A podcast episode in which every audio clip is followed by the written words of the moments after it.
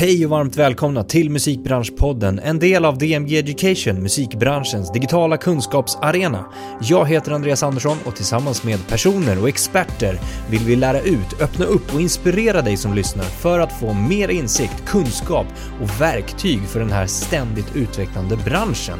I veckans avsnitt träffar jag Jonny Tinander som idag är VD för Sony Music Publishing. Jonny kommer från en lång bakgrund som A&R, vilket är något vi kommer in och pratar bland annat om. Arbetet, drivet, nyfikenheten att hitta ny talang och jobba med och utveckla.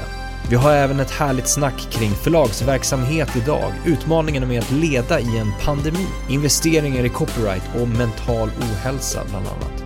Häng med och inspireras. Vi kör igång! Jonny Tenander, varmt välkommen till Musikbranschpodden. Ja, tack så mycket. Stort Superkul att ha dig här. Kul att vara här. Det, ska bli kul att sitta ner och snacka lite med dig. Du har ju extremt lång och bra erfarenhet, djup erfarenhet också.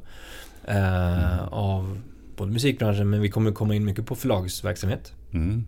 För du är ju VD på Sony Music Publishing. Stämmer bra, du fick rätt namn där. Eller hur? Jag ja, tänkte precis det. Snyggt. Sony ATV som det hette förut. Exakt, exakt. Vi bytte ju namn i, i ja, vad var det nu då? I mars, var det det? Ja, ja nyligen. Det är ja. mycket, mycket, som har hänt. Va, va, hur kommer det sig om vi börjar där? Eh, namnbytet var nog John Platt, alltså som kom in som, som, som vår nya världschef där för två år sedan, lite drygt. Han jag tror att han kände bara liksom för att markera nystarten och att det på många sätt är ett nytt bolag och, eh, och sådär. Det, det är nog det grundläggande och så. Och sen så är det ju lite tillbaks till rötterna också. Eh, vi går ju tillbaks till ett ursprungsnamn och sådär. Så att det är lite att, man, mm. att, att cirkeln sluts och sådär. Så att jag tror att det, det, finns ett gäng anledningar till det. Men, men jag tror att det grundläggande är att, att liksom markera nystarten och, och, och sådär. Mm. Uh, så att, men det känns toppen. Det är skönt att slippa skriva det där snedstrecket när man ska skriva ja, mejladresser och allt vad det är. Liksom, eller vad nu. Ja. Ska det vara stora bokstäver? Ska det vara små bokstäver ja, och TV? Ja. ja. Nej, men det, det känns jättebra. Och ja. du, liksom, jag tycker också det känns som en nystart för, för bolaget. Det ja. gav en ny energi också. Ja, det gjorde det. Jo, men det tycker jag. Alla slöt upp kring det där och, mm, och, mm. och liksom det jobbades länge inför och sådär. Liksom. Så det, det, var en stor grej för oss och mm. Eh, känns som det har gått uh, jättebra. Så att, uh, nej, det, det känns bra. Du har ju också du har erfarenhet från andra sidan inom citationstecken. Alltså ja, skivbolagssidan. skivbolagssidan, eller hur? Ja, precis. Sen tidigare där du jobbade på V2. V2, ja men exakt. Det. Jag började på skivbolagssidan. Ja här är ju slutet på 90-talet, 98 var det väl, som jag tjatade mig in på eh, V2 Records. Det var en sån, eh, vi brukar prata ibland med gäster i podden, så här, hur tog du dig in i branschen? Ja, det var en, en tjat. Ja, det, ja, jag tjatade mig kan man nog säga. Det var alltså, som många i Nars och, och, och, och människor i musikbranschen så jag en misslyckad eh, musiker. Eller jag hade tydliga rockstjärneambitioner mm. i, i gymnasiet där och, och spelade i band och så och skrev låtar och sådär. Men eh, och eh, vi hade faktiskt förlagsstil med bandet. Asså? Eh, ja, ett, en, ett litet sådär kredibelt indie-förlag på Söder.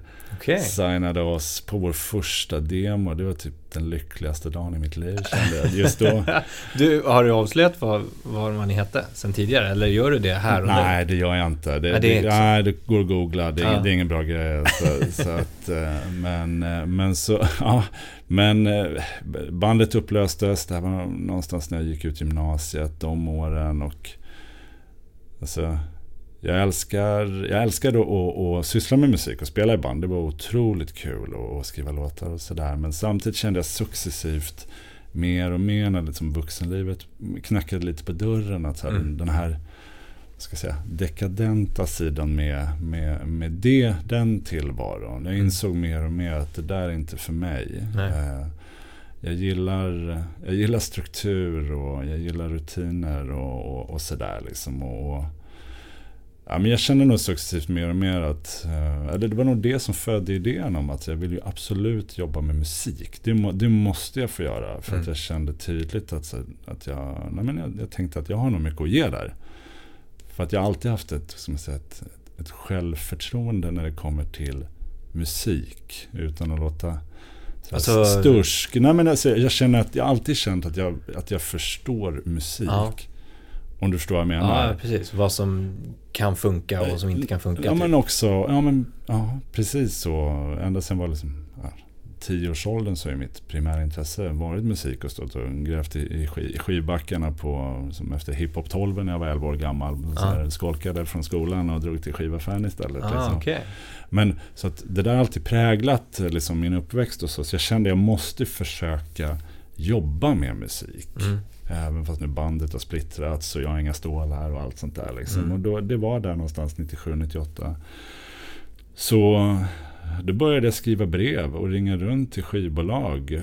För då visste jag inte ens vad musikförlag var. Man tänkte liksom automatiskt skivbolag. Ja, exakt. Så ja, jag skrev brev där och eh, om jag kommer ihåg rätt, de enda som svarade tror jag, det var just V2 Records som vid den tidpunkten var helt nystartat. Och det var Helle McLaughlin som var ung vd där. Och Eh, det var liksom, vad ska man säga, så här, stor, stor satsning. Nya Virgin och det var liksom, ja, drag, drag kring det där. Ja.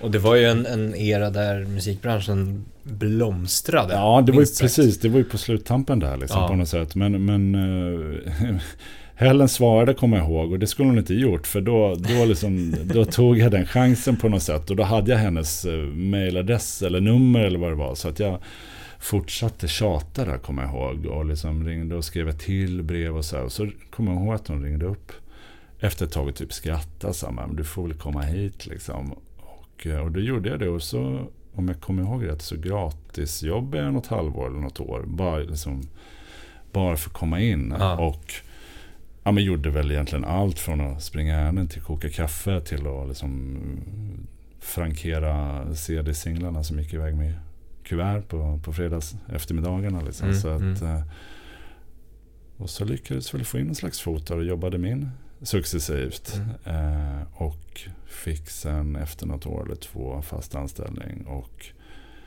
eh, först jobbade jag med PR kommer jag ihåg. Första halvåret, året. Alltså radioplugg och sådär. Men där kände jag där kände det där är inte för mig. Eh, och eh, började väl försöka göra någon move mot A&R-avdelningen där på något... På något eh, men, men, på skivsidan då? Ja, precis. Ja. Och så fick jag bli A&R-assistent då där på V2 var det väl. Och mm. eh, gjorde några projekt och sådär. Eh, och A&R-chef på V2 då var ju Patrik Sventelius. Ja, just det. Så att, eh, ja, det där är också om cirkeln sluts på något sätt. Liksom. Just det, för Patrik som... Var vd på Sony innan mig och sådär. Och vi Exakt. jobbade ihop där. Och, så att, ja.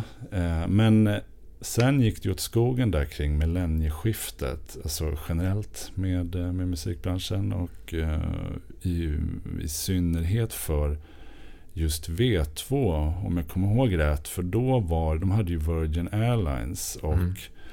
Virgin Airlines gick åt skogen på grund av 9-11 som alla flygbolag gick. Och där, jag tror att båda de grejerna spelade in. Så att de liksom hux flux så ja, skar de ner rejält på V2. Det var liksom över ja, en dag så fick halva gänget gå. Ja.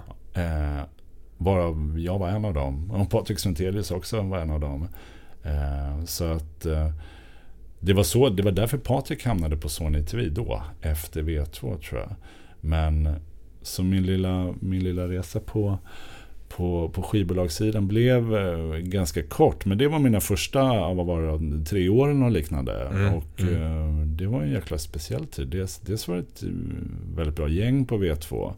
Så var det en indie-label, vilket mm. jag älskade. Och jag, som jag tror också har präglat mig ganska mycket sådär liksom indie-inställningar. Alltså det, det är bara, som du tar med dig ända ja, till det, idag som, eller? Som, ja, men som, jag älskar den inställningen. Att liksom, det är bara upp till dig att fixa det på något sätt. Liksom, ja. Om att så här, ja, men, tänk okonventionellt, liksom, få saker att hända. Ja. Liksom, hela den grejen. Men hur kan du applicera, eller hur kan, hur kan du jobba med det mindsetet nu idag när du driver ändå ett, ett major förlag? Jo, men där tycker jag också att uh, Alltså rent kreativt mm. så tycker jag alla bra musikbolag ska ha en slags indie-mentalitet om du förstår vad jag menar. Att, mm. att, att saker och ting blir lite vad man gör det till. Och mm. liksom, för mig på något sätt, när musikbranschen är som som tröttast, det, det är när ett eh, majorbolag bara sitter och följer sina liksom, rutiner och liksom, eh, förstår du vad jag menar? Mm. Att liksom, jag, jag, kan tycka att det där det där är väldigt oinspirerande. Jag ja. gillar personligen jättemycket idén av att eh, liksom, vi försöker bara få saker att hända på det sättet som funkar för stunden. Om du mm. förstår vad jag menar. Mm. Sen är det ju såklart att, att vi som ett majorförlag har ju väldigt mycket saker att förhålla oss till och mm. allt sånt där. Och självklart jag som, som vd förstås. Men just när det kommer till det kreativa, när man mm. också jobbar med kreatörer och människor i den världen. Där har jag alltid känt starkt att där måste man liksom uh, utstråla den signalen också. Mm. Den hungern och det drivet och man är redo att springa genom väggen för att få saker att hända. Liksom det tror jag supermycket på. Mm. Och jag tror att den som inställningen på lilla V2 där, liksom, som skulle ta upp kampen med, det fanns ju ett gäng major skivbolag. Det, det tog i alla fall, jag tog till mig det jättemycket då. Att mm. det var så här, fan vad kul liksom. Nu, vi ska slå dem liksom, ja, på något ja. sätt.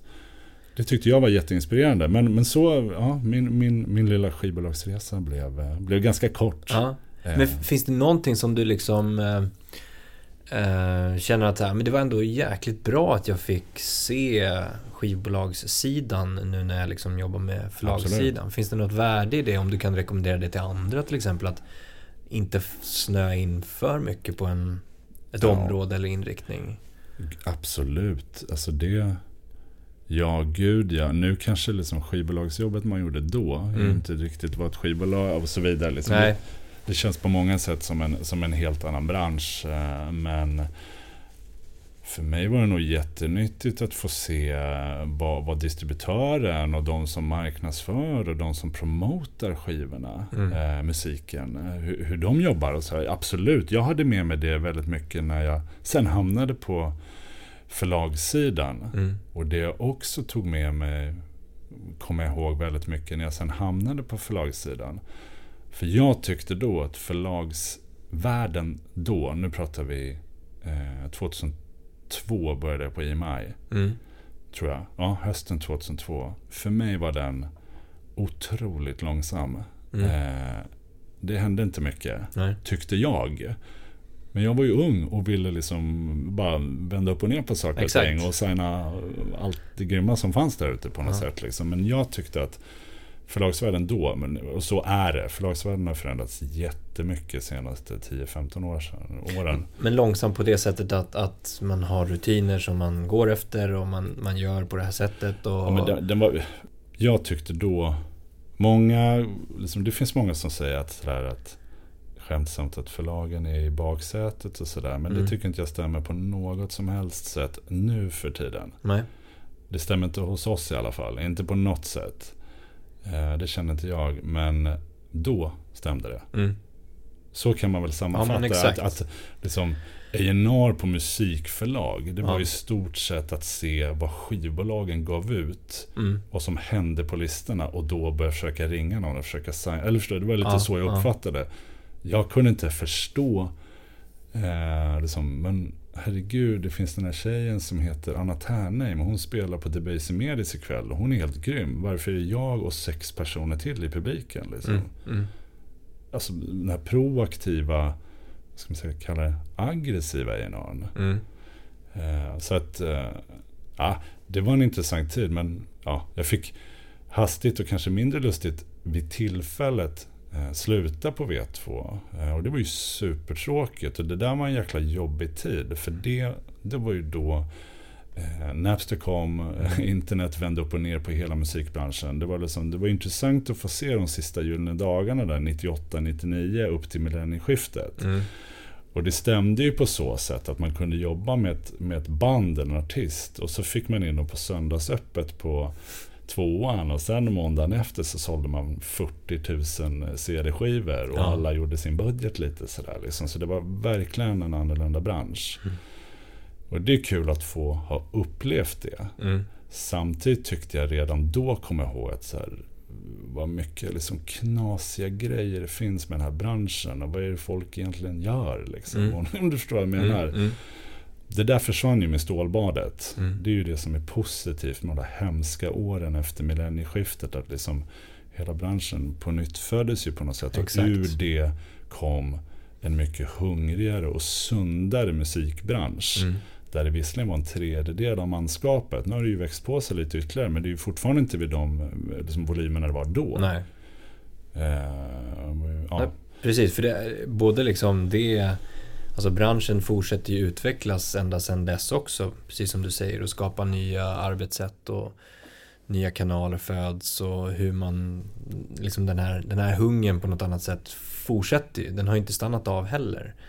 Eh, kompetensen höjs, kunskapen höjs, man förstår sig på mer bredare kring vad olika aktörer kanske jobbar med och hur man Mm. själv som aktör eller person pa passar in också på, ett annat sätt. Verkligen, verkligen. Nej, jag tycker att det, har- det har förändrats på bara till det bättre så att säga. Liksom. Mm. Sen dess, det, det tycker jag verkligen. Men, men det, var, det var intressant att få vara med om de sista gyllene åren. Ja, jag förstår det. Nej, det, var, det är kul så här i backspegeln och så här. Ja. Ja. men jag fick ändå ta del av den där sista Ja, skärven av liksom limon utanför Café Opera på något sätt. Eh, Så det, så det var kul. Eh, sen kom det ju något riktigt, något riktigt jobbigt år där och jag var arbetslös och förtvivlad och lånade pengar av mamma och pappa. Och, liksom, men, och grejen var att det fanns inga jobb i musikbranschen. Det enda som hände var att kompisar jag hade i musikbranschen förlorade sina jobb. mm. Det var som yxan gick där i något år eller två. Det var Mm. otroligt deppigt. Mm. Men så lyckades jag, hade jag turen att stöta på Stefan Gullberg som då precis hade blivit VD för EMI Publishing. Och jag hade hört att han sökte en A&R-tjänst nu när han hade kommit till EMI Publishing. Och eh, jag mejlade honom i samma sekund som jag hörde det och han svarade så här, hur, hur fan vet du det? Mm. Och så träffades vi dagen efter. Vi klickade enormt. Vi klickade liksom musikaliskt och, och vad ska man säga, personligt mm, jätteväl. Eh, vi möttes i kärleken till Hammarby, fotbollslaget Mhm. också. Han tog Mhm. upp det redan på första mötet. Men så om jag kommer ihåg rätt, sen efter intervjun, han ringde mig, eller hans sekreterare ringde mig samma eftermiddag och sa du får jobbet. Mm. Så, så kom jag in på förlagssvängen. Att liksom, dels var jag desperat att få ett jobb. Mm. Det var liksom sanningen. Jag hade varit arbetslös i, om jag kommer ihåg rätt, i, i ja, drygt halvår tror jag att det var. Mm.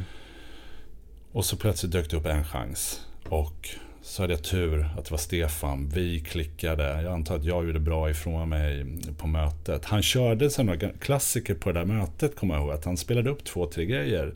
För att Ah. kolla om jag kunde det. Ja, Och eh, jag hade flyt, för jag kunde allt. Var hans sista så här, trumfkort, då skulle jag spela upp ett indieband som var Shout Out Louds, men som då kallade sig för Luca Brazzi. Och Mhm. var lite så här, omtalat indieband i så Stockholmskretsar. ja. Och då var han på väg, jag tror att han var precis på väg att signa någonting i My Publishing. Och då trodde han så här, det här kommer han aldrig ta. Men då var jag kompis med Adam, sångaren. Så han spelade upp det, det var liksom sista grejen. Så bara, men det här är ju Luca Brazzi, ska du signa dem? Fan vad grymt. Och då blev han helt paff. Ja. Och så här, typ du får jobbet. Så ja här. det var liksom... Så, så, så jag, hade turen, jag hade turen med mig. Ja. Men, eh, men, men då fick jag det jobbet och det var så jag hamnade på, på förlagssidan. Mm. Jag hade inget val, mer eller mindre. Men eh, jag kände väldigt snabbt att eh, det här kan bli något. För att jag, hade, jag tror att jag hade tur också på det sättet att man kom in, jag kom in vid en tid, liksom rent allmänt i musikbranschen, men kanske också framförallt på förlagssidan. Mm. Det jag var inne på lite tidigare. Dels var det, jag tyckte det var väldigt daterat och väldigt old school och väldigt Exakt. passivt. Och liksom, Mm. jag kom där, liksom, ja, ville, ville erövra världen med några år från skivbolag med mig. Och fattade inte vad folk pysslade med på A&R. Jag förstod inte det. Mm. Eh, men Stefan som också kom från skivbolagssidan och också var helt ny med förlag. Han var Mm. också så här, vad gör man på ett förlag? Sa han som vd liksom. Ja, Men det var jäkligt inspirerande för han var så här, nej men vi, vi skiter i hur man gjorde. Vi gör det som, som vi vill göra det. Och det. Och det var helt rätt timing för att bara, nej men vi testar så här istället. Mm. Mm. Så att det var bra timing på många sätt och vis. Och en annan bra grej som var underbar timing det var att vid den tidpunkten, ja men då är det 2002-2003, Mm. då var det en, en jäkligt grym musikscen i Sverige. tycker jag personligen. Det var någonstans då den här liksom svenska indievågen började mm. växa på sig ordentligt. Som sen blev liksom, internationell otroligt framgångsrik. Alltså, alla de här, liksom, Lycke, Peter Björnen John, The Hives, José González, Robin, Shout Out Louds. Allt det här kom ju någonstans där. Mm. Jag kommer inte ihåg exakt. Radio Department som jag älskade. Deportees kom upp då också. Och eh, det var en fantastisk tid för grymma band och grymma indieartister. Mm. Och det passade mig som A&R otroligt väl också. Mm. Just då, alltså det, det, är alltid en genre som jag känner att jag, åtminstone då när jag var ung, för jag, jag kände det här förstår jag. Liksom. Ja. Jag förstår vad som är bra och vad som är riktigt bra. Mm. Uh, så de grejerna lirade in i varandra. Och lite så här, nu flyter ju liksom åren ihop lite, men som jag kommer ihåg, det var många sammanhang och tillfällen där jag var ute på gig på en, liksom en tisdag natt för att kolla ett band som jag hade liksom snokat upp. Eller så här, och det fanns inte en konkurrent så långt ögat nådde. Och jag kände så här, men vad gör, vad gör alla andra? Ja. Jag fattar inte. Nej. Jag såg Lycke inför fyra pers på Rish bardisk. Och bara, hallå? Ja. Liksom, så att liksom, det var många grejer som spelade in där. Men Aha. jag blev så himla inspirerad. Och sen också att jag och vi förstod ganska tidigt så här, okej okay, det är en tuff marknad för den här typen av artister på hemmaplan. Mm. Det är det. Men de slår internationellt och helt plötsligt står de och spelar på Mercury Lounge i New York för 3000 pers. Eller helt plötsligt får de en indie-hit i hela världen och säljer 500 000 CD-singlar eller mm. MP3 mm. eller vad det är. Så att ganska tidigt där också började man förstå, okej, okay, mitt, mitt sätt att göra det här på det kommer vara att försöka hitta det grymmaste hemma i Skandinavien. Som har internationell potential. Mm. Och sen försöker vi få till internationella resor och karriärer med de här banden och de här artisterna. Mm. Det blev ganska tydligt för mig ganska tidigt. Det är klart att man gick på någon nit och signade något band som det gick åt skogen för. Så, men det måste man få det måste man göra. Ja, ja, gud ja. Och Stefan var grym på det sättet att han, han var liksom, gör bara din grej nu. Mm. Gör, gör den fullt ut liksom. Ja, men det är ju jätteviktigt att ha en sån support om du ska göra någonting sånt. Verkligen, så det, det gav mig eh, råg i ryggen. Men eh, ja, så hade vi tur där att, att, uh, att några av de här grejerna funkade internationellt. Jag tror, ja, det var väl Peter Björn John som var först ut med Young Folks där. Och det blev en, det blev en världshit. Det var ju helt otroligt kul. Någonstans där så började det lossna för, för mig och för oss då. För sen kom lyckan mycket. Och liksom sen, sen började det flyta på. Det gav mig och oss eh, det öppnade dörrar mm. i England och i USA. Och liksom, jag förstod också i den vevan, okej okay, det här är ju min chans att bygga mitt internationella nätverk. Mm. Och det var någonstans där, 2004 kanske någonstans som jag började resa runt. Mm. Och försökte lära känna människor i England och USA. För att jag började förstå, det är det här jag ska göra. Jag ska komma med en ja då var det en iPod då. Mm. Man hade då en iPod fylld med grymma skandinaviska band eller låtar och spela upp för skivbolagen i England och USA. Det är Aha. det som kommer vara min resa här nu. För liksom, timingen, tiden stod rätt för det. Mm. Musiken var där. Liksom, ja. Så att jag antar att det var en, liksom, nej men så här i efterhand det var, det var mycket som klaffade där. Man liksom, ur den där liksom, tuffa åren kring millennieskiftet och att jag förlorade jobbet på, mm. på skivbolagssidan så ledde det till det här. Och mm. det är jag otroligt glad för så här i efterhand. Det, det blev jag glad för ganska snabbt. Att jag kände personen, liksom, fan det är här jag ska vara. Mm. Förlagssidan funkar superbra för mig. Jag kände här finns det väldigt mycket att göra. Så att uh, ja, men det är lustigt hur, hur saker och ting kan, kan, uh, kan spela in i varandra. och ja. sådär. Och jag, utan att vara alltför spirituell. Jag tror på karma och jag tror mm. på att uh, saker och ting leder till saker. Mm. Om du förstår vad jag menar. Ja men verkligen. Men, men det här är ju jätte... Liksom liknelsen med de, de åren där var ju supertuffa. Lite liknande med som vad som har hänt nu under pandemin 2020. Ja. Um, mm. Inte på samma sätt i, i mått mätt när, liksom, med, med personer som har fått förlora jobben till exempel. Men det har varit en tuff bransch. Mång, mm. En del har förlorat brand, eh, jobben. Ja. och, och en del som vill ta sig in och, och är hungriga och, och, skapa den här förändringen som du, du pratar om. Vad, om, om du får ge dem lite tips på hur man liksom kan hantera de tankarna kring att så här, fy fan vad tufft det är, kommer det här gå? Eh, antingen om man har förlorat jobbet då eller ja. man vill in och, och, och, förändra någonting. Men det, man ser så här, det är tufft. Som jag var inne på lite, jag tror på karma. Mm. Jag tror att liksom, världen fungerar så att om man ger allt mm. eh, och menar väl så kommer någonting att hända. Mm. Det, det, är liksom så tillvaron funkar. På Annars vore det en hemsk jävla värld i slutändan på något sätt. Liksom. Det, det är så jag tänker. Och då, sen, då kommer det ner till hur mycket tålamod och ork Exakt. och liksom inställning och allt det där. Så Men som svar på din fråga. Att jag tror om man, om man är i en sån situation, men så känner man så här, vad mer kan jag göra för att påverka den här situationen? Men då gör jag det. Exakt. Det kanske inte leder till någonting, men jag gör det ändå. Så jag kastar iväg ett mail till den där chefen som jag aldrig har träffat. Men jag mm. skriver på ett trevligt sätt. Och är det en sån person på andra sidan mejlet, då kommer han eller hon att läsa. Och jag kanske får svar. Alltså, Exakt. tänka så. Ja. Och inte vara för framfusig som man blir liksom, framstår som en galning. Men, men heller inte liksom, kör på. Mm. Stå ut från de andra. Lite det okonventionella tänket som vi pratar om. Gör någonting så att du utmärker dig. Ja. I positiv mening såklart. Så att det är väl lite det jag tror på. Och då tror jag att förr eller senare kommer någonting att hända dig. Ja. Och det, det kanske inte alltid sker så fort du vill att det ska Precis. göra. Men förr eller senare så kommer du att hamna där. Mm. Och i många fall kanske det går snabbare än vad du trodde. Mm. Ja, utmaningen ligger ju att du inte riktigt vet. Precis. Utan du behöver fortsätta, men förr eller senare så kommer det faktiskt ge något slags resultat. Och sen att såklart se möjligheterna också.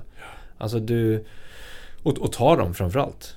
Om du, att du fick ett jobberbjudande där på, på EMI. Men det är klart du tar det även fast du är främmande för förlagsbranschen till exempel.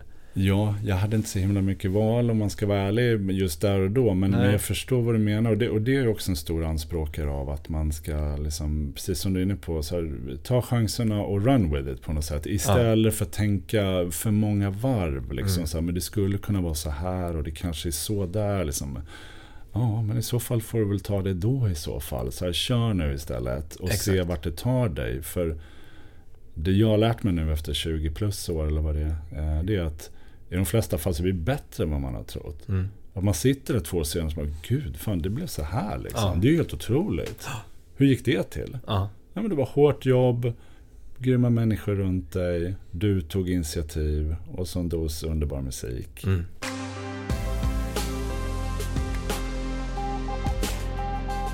Ja, det där, jag kan prata länge om det. Ja. men, men som sagt, om vi sammanfattar lite grann. Så du, du har jobbat med INAR-verksamhet ganska mycket då.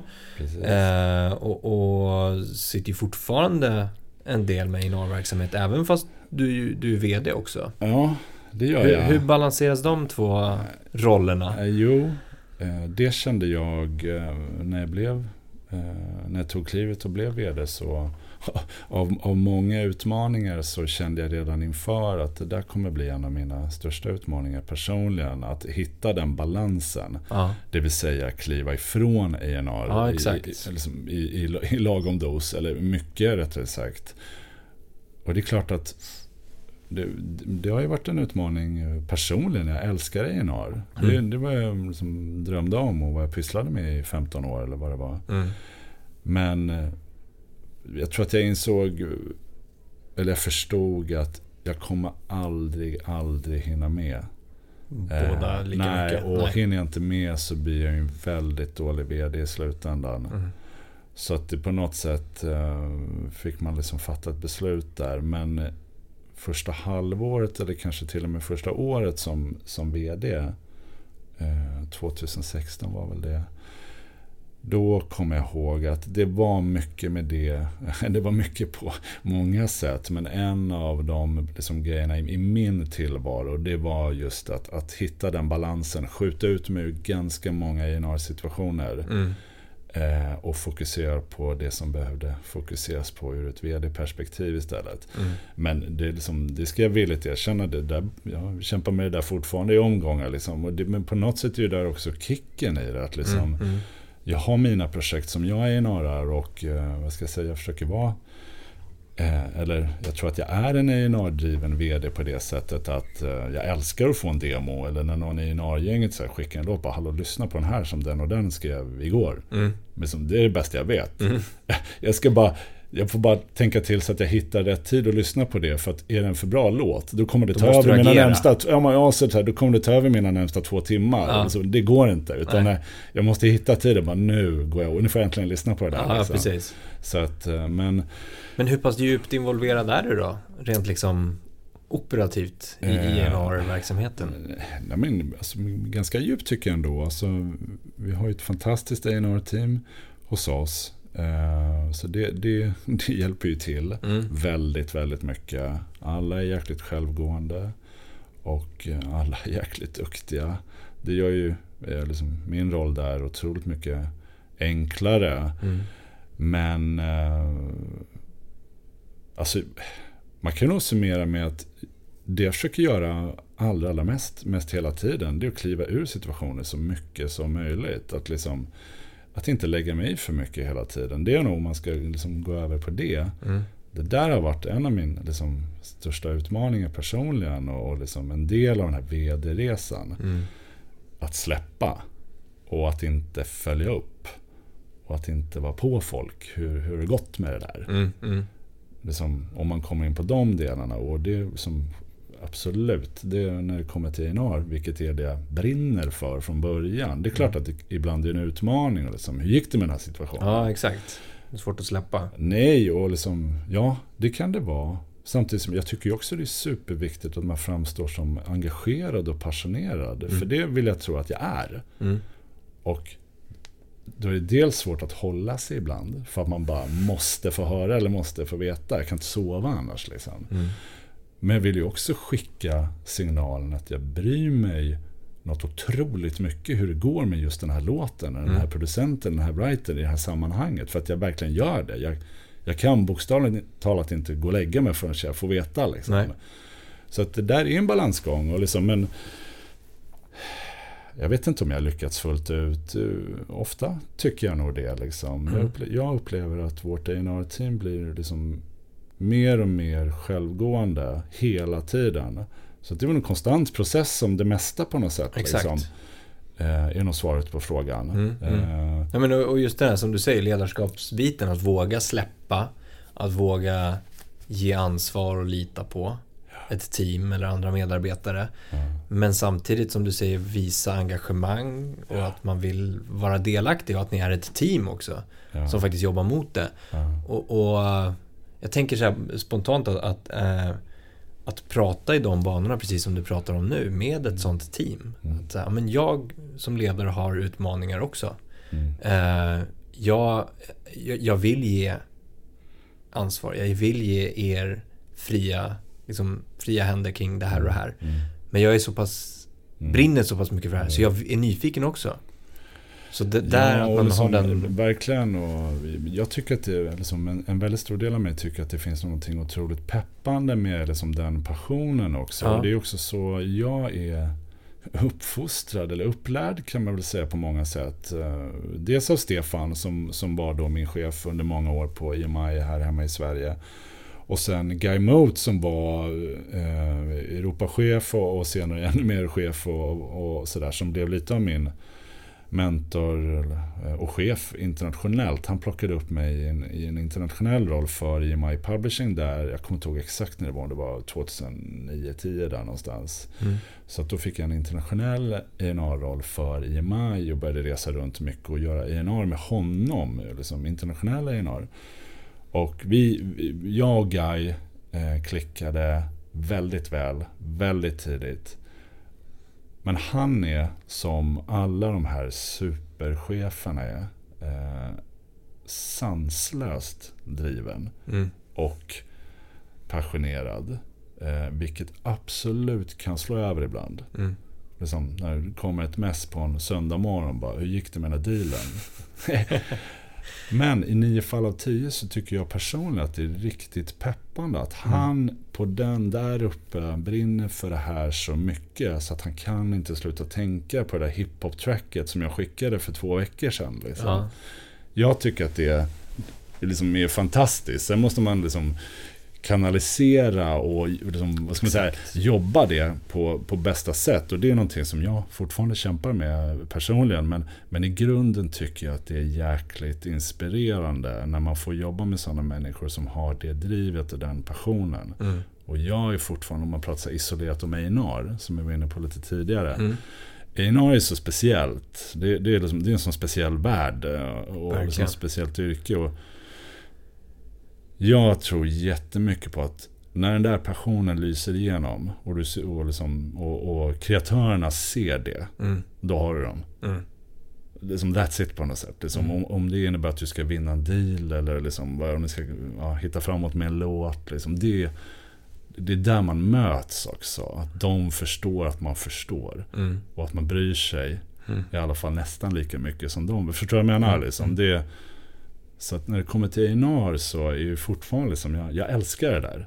Sen återigen, sen måste man ja, kanalisera det på rätt sätt. Och jag kan absolut slå över personligen. Och jag, kan, jag tror att jag kan bli alldeles för otålig mot stackars Einar-teamet när jag liksom Eh, jag vet inte, tänker för mycket på en eventuell signing eller ett mm. sammanhang eller en låt. Och råkar liksom. messa en söndag morgon också då? Nej, men, ja, det ska det mycket till. Men kanske också så här, hur går det med det här? Liksom? Ja. Vi, liksom, ja, men du frågade ju om det igår. Ja, ja men jag vill veta. Liksom. Ja, ja, precis. Så att, men eh, den biten är ju liksom utmaningen på många sätt. Mm. Eh, men just det kommer till Einar så jag har blivit väldigt präglad av den resan som jag fick vara med om, först med Stefan som chef, som var väldigt sådär, entusiasmerande och peppande och omfamnande. Och man hade jäkligt kul när man jobbade med honom. Mm. Han var ingen traditionell vd på det, på det sättet heller ska jag säga. Liksom. Men Stefan var väldigt kul att jobba med. Mm. Tyckte i alla fall jag utifrån min A&R-roll och sådär. Eh, och likaså var det med Guy Mote. Som var han var Englandschef, han var Europachef, han var chef över det mesta på slutet där. Men framförallt så var han en A&R-person i grunden. Mm. Han hade också vuxit upp med att liksom samla tolvor någonstans i Storbritannien och, liksom, och så jobbade han sig uppåt. Och mm. Det präglade honom så himla mycket. Så att, att få jobba nära honom i ett antal år på en internationell scen. Mm. Där känner jag att ur ett A&R-perspektiv, det var liksom eh, mina överlägset mest lärorika år. Om du förstår vad jag menar, alltså sättet man vinner dealar eller Exakt. sättet man vinner personer mm. eller sättet man tar för sig i internationella sammanhang eller vad det nu kan vara. Det, det var otroligt lärorikt tyckte jag och mm. väldigt, väldigt inspirerande. Och jag tycker att det bästa av det där försöker jag ju ta med mig mm. och föra vidare. Såklart. Sen kanske inte alltid landar rätt, men jag, jag försöker i alla fall. Och jag mm. tror att det är det som räknas på något sätt. Du snackar om att vinna dealar. Mm. Det, är, är det mycket så att det kan vara liksom fight mellan olika bolag för en och samma låtskrivare till exempel? Eh, ja, alltså absolut. Det ju... vad, vad, finns det något tjuvnyp eller är det fair play där ute? Ja, det, det, det är fair play. Eller, vi kör med fair play. Ja. Eh, ja, absolut. Men det är så det ska vara. Alltså en, en, en konkurrenssituation om, om, om eh, stora talanger. Mm. Absolut, så är det ju. Eh, sen har konkurrensen ska man säga, konkurrens, eh, förlagsvärlden har ju utvecklats enormt mycket här hemma i Sverige och globalt mm. eh, senaste åren. Alltså senaste 10-5 årsperioden har det skett otroligt mycket. Mm. Men enligt mig, om man tittar ett förlagsperspektiv, eh, enbart till det bättre. För att förlag är mycket mer på tå. Mycket mer proaktiva, tar mycket mer plats. Driver eh, mycket fler saker enligt mig. Mm. Och eh, när det kommer till A&R så tycker jag liksom, eh, förlag förlags verksamheten här hemma nu för tiden är, är, är riktigt bra. Det är många, många drivna personer där ute som, som vill signa nästa heta grej och sådär. Och det är mm. så det ska vara. Eh, och sen får det ju såklart inte övergå i någon slags fulspel som du var inne på. Absolut inte. Men jag tycker återigen att det är jäkligt kul när man gör allt för att vinna en deal. Mm. Eh, det där gillar jag väldigt mycket personligen. Och det kommer väl ner till liksom passionen men också absolut, det är väl en form av tävlingsinstinkt. Och så. Det, det är klart att man vill, klart att man vill vinna. Liksom. Mm. Det, det vore ju fel att säga något annat. Jag tänker så här också att, eh, du nämnde det, så här, trenden i att det har blivit en jäkligt bra liksom A&R Mm. och förlagsverksamhetsvärld eller vad man ska säga. Mm. Mm. Har det lite också att göra med att det har blivit lite... Inte, det finns ju fortfarande utmaningar med att, att upphovspersoner inte lyfts upp och, och liksom Mm. synliggörs på det sättet. Mm. Men att själva rollen producent, låtskrivare, topliner, Mm. liksom textförfattare har blivit lite hetare än vad det var förut. Att Absolut. Då var det bara Ja. artisten Ja, det som skulle mycket mer, synas. precis, det var mycket mer band och artistdrivet Mm. Förr i tiden. Absolut, så är det ju. Och, och när jag började min eh, A&R-bana där för massa år sedan, då var det i princip bara artister eller band man, Ja, man signade. Jag tänkte faktiskt på det här om dagen, att så här, det var inte ofta jag signade producenter eller Nej. så här, låtskrivare på den tiden. Alltså, det var liksom en annan grej på något sätt. Så Numera är det ju mycket mer låtskrivare och producentdrivet som du är inne på. Så är det ju verkligen. Alltså Mm. de, de flesta låtarna är ju en session i, i, liksom, mellan ett gäng personer. Liksom. Ja, det, det är ju svårt att hitta något som inte är det nästan Mm, nu för mm. tiden. Det kan man tycka lite vad man vill om. Jag kan personligen sakna just artisteriet och sådär. Men å andra sidan, eh, senaste året har man ju sett det komma tillbaks lite med, ja, men om det är en, en Billie Eilish som gör allting med brorsan. Ja. Liksom, jag tror att det där går lite i cykler också, men det är klart att generellt så är det ju mycket mer låtskrivare och producentdrivet. Mm. Så, så är det ju, och det har ju också resulterat till att A&R på förlag har ju ett mycket större spelutrymme och driver en utveckling mycket mer. Exakt. I och med att det i de flesta fall börjar med att det är någon producent och ett gäng writers som börjar med en låt tillsammans med den artisten. Mm. Så att, ja, visst, visst är det så. Och det är en av anledningarna till att förlagen har en, en, mycket mer framåtskjuten position nu för tiden. Mm. Det, det är jag helt övertygad om.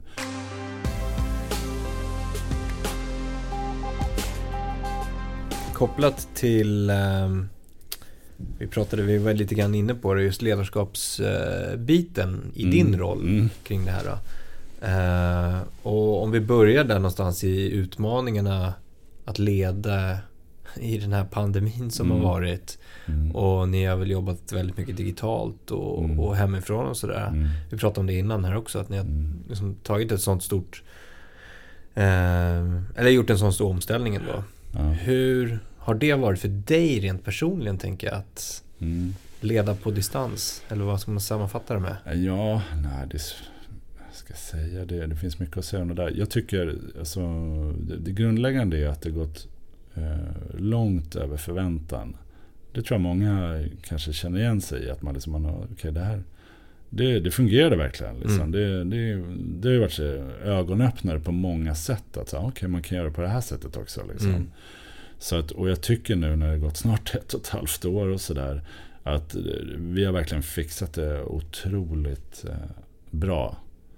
Det, alltså verkligen. Och det, hela gänget har varit helt fantastiskt. Och jag tycker på många sätt, och det vet jag att många av oss tycker också, att det är konstigt för att vi har kommit ännu närmare varandra under den här tiden. När man inte har suttit tillsammans. Mm. Utan liksom man har ju blivit tvingad till att hitta vägar och hitta sätt att förändra sig själv eller förändra sitt sätt att jobba som, som uppenbarligen har lett till, till bra saker. Så att jag känner ur ett teamperspektiv så är vi liksom så bättre än någonsin. Vilket Mm. ju, ja, det är ju flummigt men, eh, och intressant.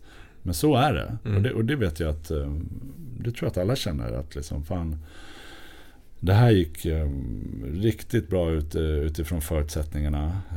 Och, och allt sånt där. Sen är det ju såklart att det har varit en enorm liksom, utmaning för många. Och i, som i, vad ska man säga, i omgångar. Det är klart att det har Mm. varit svajigt på många håll på grund av eh, omständigheterna. Och liksom det, men det tror jag också i, i sin tur har resulterat i en mycket större liksom, så här, ska jag säga, om, generell omtanke. Eller som en större, vad ska jag säga, det har varit tid för en mjukare liksom, känsla om du förstår vad jag menar. Mm. Eh, det, det tror jag.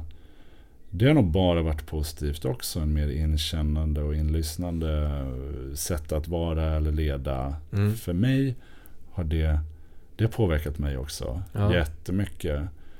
Och eh, jag känner redan nu att man är liksom, du får missförstå mig rätt, men man är glad för den här tiden. För att om man tar med sig det som man har lärt sig under den här tiden och tar det som eh, har varit bra med den här tiden och liksom sättet att jobba och sättet hur man är med, med, som, som team och, och sådär.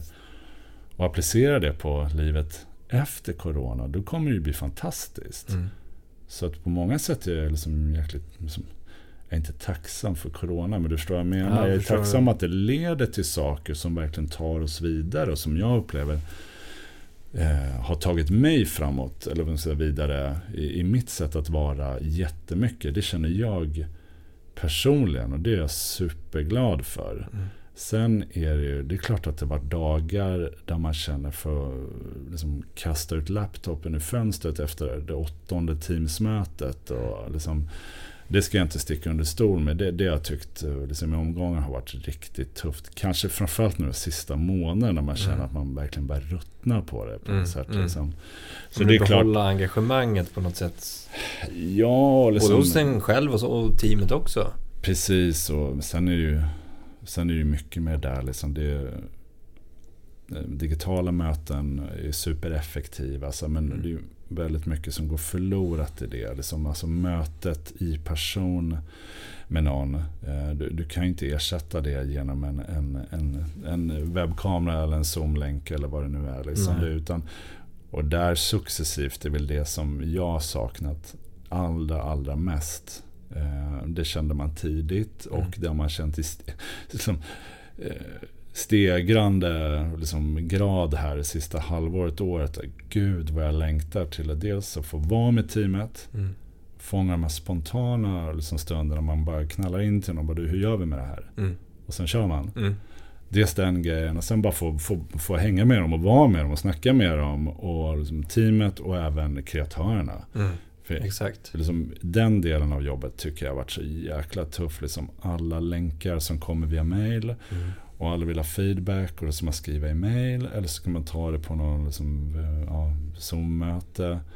Jag saknar så enormt mycket att få vara inne i en studio med någon och eh, lyssna på någonting där och prata om det där och då. Det är ju så mycket djupare också. Det blir så mycket, mycket djupare utbyte. Ja, man når och- fram till folk på ett helt annat sätt. Och om, det, om du ska feedbacka och komma med positiv kritik så är det mycket lättare i ett sånt sammanhang. Och liksom, så där är ju de delarna man saknar något enormt. Men jag, jag är personligen superstolt över hur vi har jobbat under den här tiden. Mm. Det, det har vi pratat mycket om. Att liksom, fan, det har gått så jäkla bra eh, utifrån förutsättningarna. Och eh, nu är ju alla rätt liksom, peppade på, på sommarlov. Det är jag också. Mm. Men nu, nu kör vi liksom hela vägen in här. Håller, håller, hel, håller vår linje då, liksom hela vägen in i mål. Och sen förhoppningsvis kan vi ses igen där i augusti efter sommaren. Och det kommer bli helt underbart. Mm, och så bara, det kommer bli sån jäkla nytändning och liksom, då blir det verkligen 2.0. Och Mm. jag, det, jag längtar redan nu. Alltså Mm. jag längtar först efter semestern. Men sen, sen att få köra igång. Det är Ja. alltså verkligen, jag tänker mycket på det. Alltså det, det känns superpeppat. Men, men som svar på din fråga med lång utläggning. Ja, det har varit en stor utmaning tycker jag som, som, som chef. Jag tänker en annan sak i, i, i ledarskap generellt, inte bara en sån här period. Att, att, att som ledare själv hitta sitt sätt att vara närvarande på. Ja. Eh, för sin egen del och för andras del också. Alltså ett närvarande ledarskap där du kan ta in all information och inte sväva iväg i tankarna kring den där dealen som gjordes på förra mötet. Utan att Nej. liksom kunna lämna ett möte till exempel. Och jag läste om en ledare som hade, men han, han, han tog eh, fem minuter, eh, blockade han alltid minst av Mm. mellan varje möte. Mm. Och bara debriefade sig Mm. själv. Och Mm. skrev ner eller liksom gjorde någonting Mm. och gjorde sig redo för det nästa mötet. Så att Mm. han kunde lämna det förra mötet. Mm. Eller lämna det han höll på med eller vad det var. Ja. Så att han, in, han gick in i nästa session eller diskussion med ett helt fresh, alltså fresh Ja. mindset. Och, och kunde vara närvarande där. Jo. För att det effektiviserade hela, hela hans sätt att leda och hela teamets sätt att jobba också. Jo, det där är också jätteintressant. Jag har, jag har alltid varit en, en, en förespråkare liksom, ta inte med dig mobilen på mötena. Mm. Såvida du inte såklart väntar på ett samtal, ett viktigt samtal privat eller för den delen jobbmässigt. Alltså så här, måste du ha med dig mobilen i bakfickan så ha det, absolut. Mm. Men sitt inte och scrolla mobilen under våra möten. För Mm. det ska jag tycka så här, det, jag tycker personligen att det, blir, det är en oförskämd grej. Det är som du skulle prata med mig nu, jag sitter och som Mm. flippar lite med mobilen. Jag tycker inte att det är rätt, Nej. helt enkelt. Men sen också kanske framförallt, det leder bara till ett ofokuserat möte. Ja. Och då i slutändan så här, ska vi sitta här i 20 extra minuter för att folk är ofokuserade? Så där, det är så många grejer som leder, leder upp till att eh, liksom, vi går in i det här nu, så känner jag. Nu, liksom, var, var här nu. Precis. Vi pratar om det här nu. Mm. Eh, såvida det inte brinner någonstans. Man måste självklart vara flexibel och säga sorry vi måste, ja, bla bla bla. Men annars är det så här, det här gör vi nu och sen tar vi det där. Liksom, att man försöker gå in i det istället och hitta lugnet och fokuset i det. För annars kan det bli så jäkla plottrigt Mm. och spretigt. Och som, då sticker det iväg Mm. och så är det igång på något sätt. Mm. Liksom. Jag försöker, jag nämnde som rutiner och struktur och sådär. Jag, jag gillar det väldigt mycket och jag känner att jag behöver rutiner och strukturer enormt mycket för att ta mig igenom dagen höll jag på att säga. På ett bra sätt. Ja. Och då jobbar jag eh, väldigt mycket med sådär påminnelse till mig själv i kalendern mest hela tiden i olika intervaller hit och dit. Och liksom, men skulle inte jag göra det så skulle jag missa 20 grejer per dag. Mm. För så är varje dag för mig. "Ja, Just det, här hade jag skrivit upp det. Men Mm. gud, vilken tur att jag hade gjort det. Ja. Så, en sån sak, och där har jag det mötet, sen är det mötet, sen är det mötet. Jag, sen kan jag schemalägga tid att då går jag och gör det Mm. i en halvtimme. Precis. Sen slutar jag göra det. Ja. Då går jag över och gör det. Ja. Sen är det dags för det mötet. Mm. Det där har jag insett med mig själv att liksom, det, kan, det kan tyckas liksom, vad ska jag säga, överdrivet men det- det får, det får mig att funka mycket, mycket bättre i en eh, tidvis ganska stressad och späckad tillvaro. Mm. Och då förhoppningsvis leder det fram till att jag i slutändan är en bättre chef och en lugnare chef Mm. som är där nu. Exakt. För det tänker jag, jag har tänkt jättemycket på sen, sen jag blev vd och inför och sådär. Liksom de gångerna man suttit med en chef som inte är fokad fullt ut. Mm. Det är ju superjobbigt. Och enligt mig, det blir nästan lite oförskämt också. Sen kan man alltid hamna där av olika anledningar och sådär. Men jag försöker alltid, i alla fall se till att göra mitt yttersta att jag är där då och där. Om du förstår Mm, vad jag menar. mm.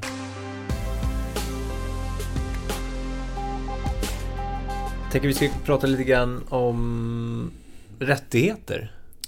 Absolut. Eh, Ja. vilket ni jobbar med. Det gör alltså det rättigheterna det till- gör vi, det till verk kan man ju sammanfatta det med. Mm. Eh, och, och ni har ju varit marknadsledande senaste tiden kan man väl nästan sammanfatta det med också. Ah, det tycker jag, det får du göra. Ja, om man tittar på siffror, Ja, siffermässigt också. absolut. Ehm, men, men det har ju också varit lite så här trender i att, att köpa rättigheter till Mm. olika kataloger som det heter. Mm.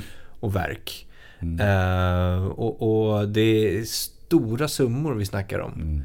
Mm. eh, som, som köps loss från kreatörerna. Ja. Eh, och, och, och då tänker jag sådär spontant. det- är liksom, dels är det ju förlag som köper men det är också investmentbolag som går in och, Precis. Mm. och köper rättigheter till kataloger. Ehm, varför ser vi en sån trend just nu tror du? Eh, nej, men det är ett gäng anledningar som leder upp till det där. Liksom, det har ju på något sätt jobbats upp mot det här som har hänt nu senaste året på något sätt. Liksom, det, det har kommit in fler och fler sådana aktörer här senaste åren egentligen. Mm. liksom, man har egentligen väntat på att det skulle liksom byggas upp till någonting sånt här. Sen kanske så här, jag kanske tycker personligt så här, wow, ja, det var jäklar vad uppblåst det blev. Liksom. Mm. Som, som du själv är inne på priserna och liksom, ja, prislappen som det talas om i vissa sammanhang är ju galna. Liksom. Det, så är det ju verkligen. Eh, Men eh, så det är ju kombinationen av teknik såklart. Allt som händer. Mest hela tiden. Mm. Eh, med, med liksom i den tekniska utvecklingen och hur man konsumerar musik. Och sen har det visat sig med tiden att copyright är ju på lång sikt en, en, en bra investering. Det, mm. det har ju liksom det, det, det, var länge sedan man konstaterade det på något sätt. Att liksom, så pensionsfonder i USA har under lång tid investerat i copyright. Så det har pågått länge. Mm. Det är bara att det där har exploderat nu eh, på grund av mycket med nyekonomin tror jag också. Många som är stenrika, många som vill komma in i liksom nya områden, ny teknik. Eh, vad finns det för rättigheter där? Eh, mm. Precis som alla liksom nystartade streamingtjänster på tv-sidan. Det mm, som spelar mm. roll för dem är ju innehållet. Exakt. Innehållet och rättigheterna. Så det blir lite liknande här på något sätt. Det är ju det som är hårdvalutan i slutändan. Allt annat är ju bara liksom lånade investmentpengar på något sätt. Ja. Liksom. Så att, eh, och, och där, liksom nu står ju alla stjärnor rätt. Mm. för den, för den, för den sortens investering. Ja, liksom. precis. Ja. Så det har ju bara bullats upp till något helt otroligt här. Liksom. Ja, för det är otroliga summor som vi pratar om ibland. Och det är ju ja. jättelångsiktigt man måste tänka ja. då. För så här, hur Verkligen. betalar det av sig? Nej, alltså det, det, är många år de behöver på sig för att mm. räkna hem det där. Ja. Uh, så att um, så är det verkligen. Och jag kan, liksom en, en ganska stor del av mig kan tycka att så här, det finns någonting tråkigt med när folk säljer sitt livsverk på något sätt och klipper alla band. Mm. Liksom. Sen kan jag också ha en förståelse för om det är någon, kanske mot ålderns höst, som som cashar in och tryggar inte bara sina barn utan hela sin jäkla släkts ekonomiska framtid. Liksom, ja. På ett bräde. Det, det, kan jag också förstå liksom, på så sätt. Eh, men eh, det ska också bli intressant att se vart det här tar vägen. För att det, att det är upptrissat råder ju inga tvivel om. Nej. Jag tänker också att det sätter lite prägen mot eh, kommande låtskrivare och mm. artister. Att mm så här, trendmässigt går åt det hållet. Jaha, men nu gör mina idoler det. Mm, eller precis. att lite min, ja. mer oetablerade artister också börjar tänka i banor om att aha, man kan göra det och så kan man liksom Nej. sälja sina rättigheter. Ja, men, men uh... om man vill vara positivt lagd, vilket jag också försöker vara, så, så liksom det, det höjer ju onekligen liksom känslan för att copyright är värd väldigt mycket. Mm. Vilket har varit liksom så förlagens viktigaste strid av alla strider genom alla år, det är ju att liksom skydda och bevara värdet av copyright. Mm. Eh, och det här talar ju onekligen för att copyright är värd väldigt mycket pengar. Så det, det är ju en positiv sida om, om, du förstår vad jag menar. Mm. Så att, eh, men nej, det, jag tycker att det är intressanta tider. Men det är mycket med de senaste åren eller två som är väldigt intressant. Jag tror kombinationen av teknik, eh, att många har väldigt mycket pengar. Ja. Eh, det är ju en intressant kombination. Ja. Och då innehåll. Precis. Oavsett om det är vår älskade branschmusik mm. eller om det är i tv-film så är det filmerna eller tv-serien och så vidare. Liksom. Det, ja, det är många stjärnor som står rätt för att, för att det här ska ske på något sätt. Liksom. Mm, mm. Ja, men just du är inne på det, innehåll. Alltså det finns ju otroligt mycket innehåll och det ska fyllas.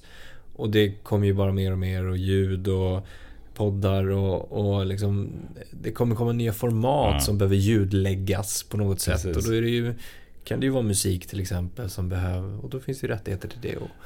Så det finns ju, om man tänker sig eh, liksom, låtskrivare framåt till exempel, så finns det ju det, jag kan tänka mig i alla fall att det kommer komma otroligt mycket nya möjligheter. Precis som det gjorde efter eh, 00-talet. Ja. Och, och liksom hela download-eran. Att det kom massa olika nya möjligheter. Och samma här, det kommer ju utvecklas och kommer nya format och möjligheter ja. som vi inte har sett än.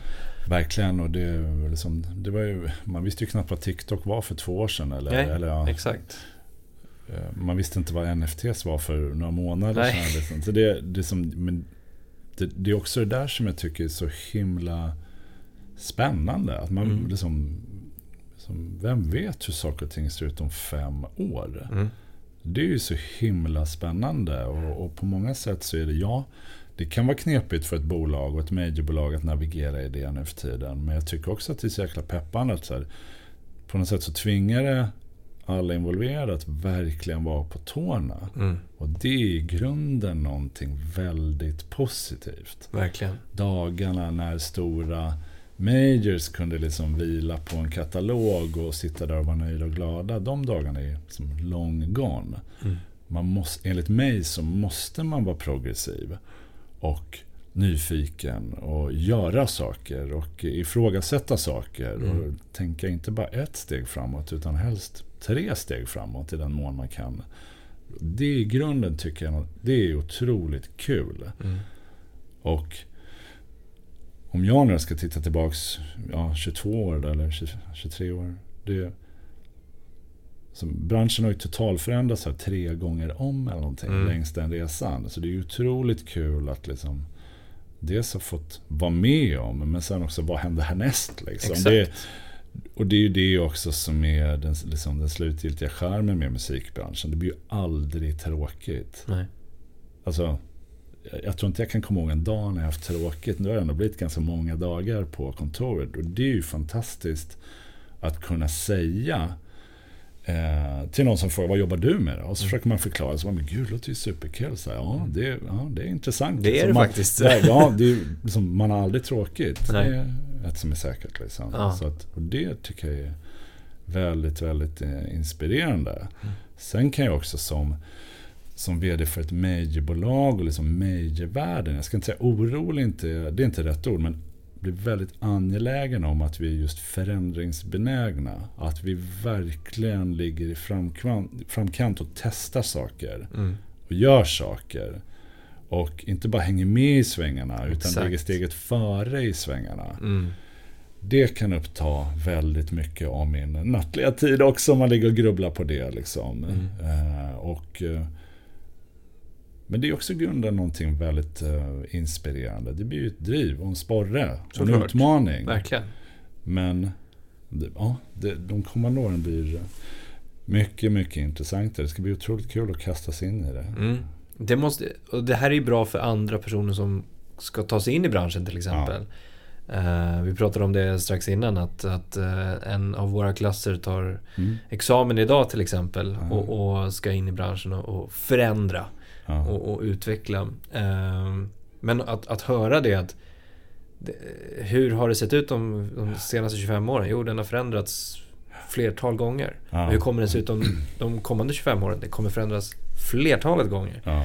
Och förstå sig på det och, och kasta sig in och, och kopplat till det vi pratade om förut, de här utmaningarna om att det kan vara svårt att få jobb eller komma in och, och se att din, din tid kommer på något sätt Verkligen. också. Alltså, deras tid kommer och det är en av grejerna som jag tycker är också väldigt rolig. Vad jag upplever senaste åren så har det kommit in en ny generation i musikbranschen på, på, på musikbranschsidan så att säga. Mm. Som är superhungriga och kommer med nya perspektiv och tankar och sätt att göra saker och ting på. Och det är otroligt kul. Eh, att få se.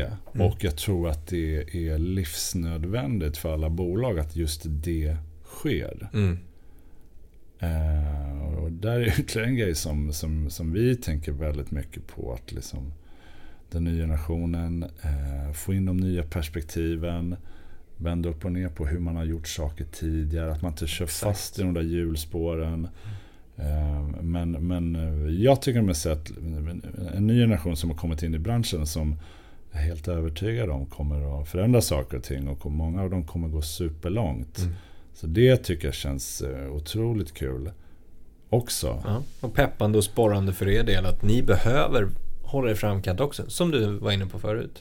Ja men 100 procent och liksom Jag kan känna det är lite skrämmande person men för första gången någonsin i mitt liv kan jag känna så här senaste åren att så här, det kommer grejer till A&R nu för tiden som är så här Jag fattar inte. Ja, Eller jag, jag blir mer så här, jag blir fascinerad. Så bara, vadå, hur gick det där till? ja, ja exakt. hur hittade du den här låten, den här personen? Och jag liksom när, ja, när jag får det berättat för mig så bara, ja, men jag förstår inte. Men jag blir mestadels glad att så här, okej, tiden har kommit, så här, det är dags. Eller, jag förstår Det är bra, men, men det finns fortfarande någonting som, som löser av den där äh, så här, så här har vi inte gjort förut tänket som du var inne på. Nej, men då blir jag så glad över att, Ja. att det händer hos oss och Ja. i branschen. Och, och liksom, på många sätt är ju A&R och sådär, det är ju alltså jag ska inte säga att det är för ungdomar, det, det är felformulerat, men så här, det, det, är ju de yngre generationerna som driver kulturer framåt. Mm.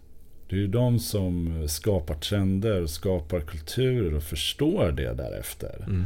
Så jag känner också som, som någon som är på fel sida 40 att liksom, det är så grymt att se att, att det händer i branschen och hos oss. Och man måste låta det bara få flöda också. Mm. Utan att jag nödvändigtvis förstår exakt vad är det som sker. Liksom. Mm. För mm. Men gör bara det du gör, fortsätt bara, gör din grej. Liksom. Exakt. 200% Det är enormt kul. Det är jättehäftigt att se. Verkligen. Och liksom, herregud, så mina, mina, mina döttrar berättar ju om liksom, hittar ju grejer på TikTok. Bara, men hur fan, vad hände här? Mm. Liksom. Bara, har inte koll på den här låten? Vi har hållit på med den här i två veckor och då blir jag superstressad. Bara, ja. Vad är det för låt? Liksom? Ja, ja. Vi måste ha den. Ja, men det, det blir ju otroligt spännande att följa uh, den här nya generationen framåt också. Verkligen. Men det är en annan sak. Vi, uh, vi pratade om det här uh, aspekten av att inte jobba för mycket mm. så, på, på ett bolag till exempel som personal. Mm. Men om man tittar på kreatörerna mm. så har vi sett att det har varit liksom, den, den mentala ohälsan har ju ökat mm. också mm. bland kreatörer, artister, låtskrivare. Mm. Um, och att det finns någon slags aldrig uh, eller alltid vara på uh, mm. tänk. Att man alltid måste vara på. Man ja. måste alltid finnas där och tänk om, om en A&R svarar på Eh, på, på mitt mail som jag skickade. Eller jag skickade ju ett mail till någon men jag har inte hört någonting. När ska jag lägga på? Och, och det, är liksom, verkligen.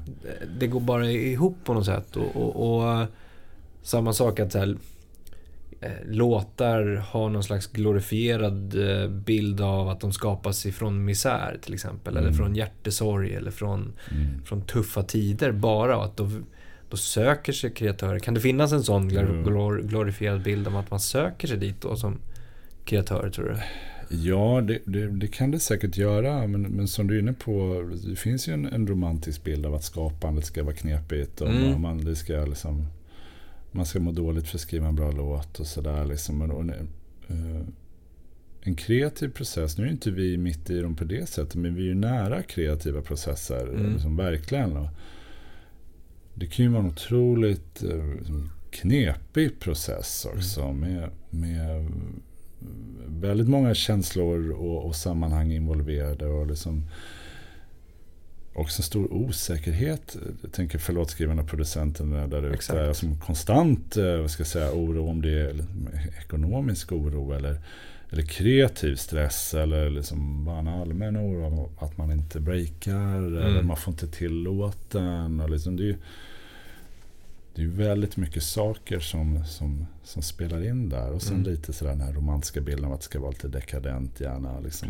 all, allt det, liksom. det, det är många delar som, som spelar in där. Och där har ju tidigare, där tycker jag också det är så jäkla grymt det här liksom, som senaste åren att det har öppnats upp. Eh, väldigt mycket i hur man närmar sig det och hur man pratar kring det. Eller att man pratar om det. Det pratade man inte om för ett gäng år sedan till exempel. Liksom, inte alls på på samma sätt liksom, ur ett branschperspektiv. Sen så, sen så är det ju väldigt mycket kvar där att göra på alla håll och kanter. Men, men eh, jag tycker att det börjar röra på sig lite i alla fall. Och så där, eh, på vårt håll, som, vad vi gjorde för eh, ett drygt halvår sedan. Vi, vi plockade in en, en, en kille som heter Saska som är, som är en gammal låtskrivare och producent. Som också var signad till oss. Mm. Eh, såklart. Men, och han, han, eh, han hoppade av eh, producentbanan, låtskrivarbanan och eh, började plugga till psykolog. Okay. Och, och, gjorde det i ja, fem år eller fem och ett halvt år. Eller vad man, vad man, ja, det är väl, tar väl en sån lång wow. tid. Ja. Och någonstans där för något år sedan eller ett och ett halvt så började vi prata med honom att liksom, de där världarna måste kunna mötas. Mm. Alltså det, och just med honom också, han kom från den här världen. Så vi snackade mycket med honom liksom, just om de här delarna. Att liksom den kreativa stressen och, och liksom, kreativa processen med allt vad det innebär och Mm. liksom, förväntan och, och, och oron och, och, och allt, allt runt omkring. Och, ja, men det ledde väl fram till att vi började ett samarbete med Saska där, där, där, där vi erbjuder våra låtskrivare att eh, träffa honom Mm. och snacka med honom. Hur man vill snacka med honom eh, gratis. Eh, och så länge man är signad till Sony Music Publishing så, så får man eh, höra av sig till honom. Och då är det full, full sekretess såklart. Eh, vi vet inte vad som händer. Vi vet inte, som självklart, vi vet inte vilka som hör av sig till honom. Eh, vi vet inte vad som sägs där, inte, inte ett ord. Men, men vi, vi initierade det Mm. eh, samarbetet med Saska någon gång i höstas. Och presenterade det för alla våra låtskrivare och managers. Och aldrig fått så mycket grym respons som, Kul. som den gången. Ja. Eh, och eh, vi har ju såklart regelbunden kontakt med Saska och, och han berättar inga detaljer men vad han berättar är att han har regelbundna snack alltså, hela tiden med då låtskrivare och producenter eller artister från vår roster som, som snackar med honom. Det är jättebra. Bra initiativ. Du, jag tänkte vi ska eh, sammanfatta lite. Eller binda Ja. ihop det här nu. Ja. Vi har haft ett jättehärligt snack. Men eh, vi har pratat lite utmaningar och sånt där. Om man tänker utmaningar för din egen del framåt nu då. Hösten, vi säger att det, det Ja, lättar upp. ja, du får gud. äntligen träffa Ja, team och kreatörer. Vad blir utmaningen eh, personligen framåt för dig? Eh, utmaningen personligen, alltså lite som jag var inne på tidigare, som en av mina sådär, största utmaningar tycker jag, det är att konstant fortsätta utvecklas. Och då menar jag på alla sätt och vis. Då menar jag personligen, oss som team och oss som bolag businessmässigt. Det är liksom lite sådär ledstjärnan på något sätt. Liksom. Och, och det kan, jag kan nästan bli besatt av det och sådär. Liksom. Men det, det är nog det, liksom, vad ska jag säga, det initiala, eller liksom det direkta svaret på den frågan. Att eh, på något sätt tycker jag liksom sådär branschmässigt är ju allting en enda stor utmaning just nu. Mm. Eh, Men jag väljer att eh, tänka på det som någonting peppat Mm. och liksom inspirerande. Eh, Det är lite så jag liksom försöker fungera i allmänhet också. Men, och det tycker jag. Men, men den största utmaningen blir eh, liksom, och, och, det blir att, att fortsätta utvecklas Mm. på, på, på alla plan. Eh, och det, det, det tror jag att vi kommer göra. Eh, eller, eller så här, jag vet att vi som team kommer göra det. För att gå tillbaka lite till det vi pratade om innan. Jag tycker att vi har kommit in på sånt jäkla bra spår som Mm. gäng. Så där känner jag att det, det är liksom, bara ska jag inte säga, men det, det är mer bara att bygga vidare på det och fortsätta justera och liksom fortsätta lära oss och allt det där. Eh, businessmässigt som vi också pratade om är det ju mer oförutsägbart. Men Mm. där kommer jag tillbaka till att det absolut viktigaste är att bara ifrågasätta, vara nyfiken, hitta nya vägar, eh, fortsätta köra på, liksom eh, stay hungry. Mm. Det, det är liksom den eviga grejen för mig Mm. på något sätt. Så, så det, ja, som svar på frågan, det, det kommer nog gälla för mig framöver. Ja, sjukt spännande. Men du Jonny, eh, jättetack för eh, trevligt samtal. Ja, tack själv. Och Tack hoppas du själv. får lite semester nu först och sen dra igång hösten Sen efter det. Sen Ja. kör vi. Tack för att ni är så många som lyssnar på podden. Det är ni som gör att vi kan fortsätta.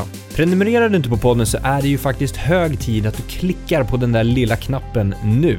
Och för ännu mer kunskap, gå in och registrera dig för kunskapsbrevet på vår hemsida dmgeducation.se. Det är inget spam, det är bara kunskap. Ta hand om er ute så hörs vi igen nästa avsnitt.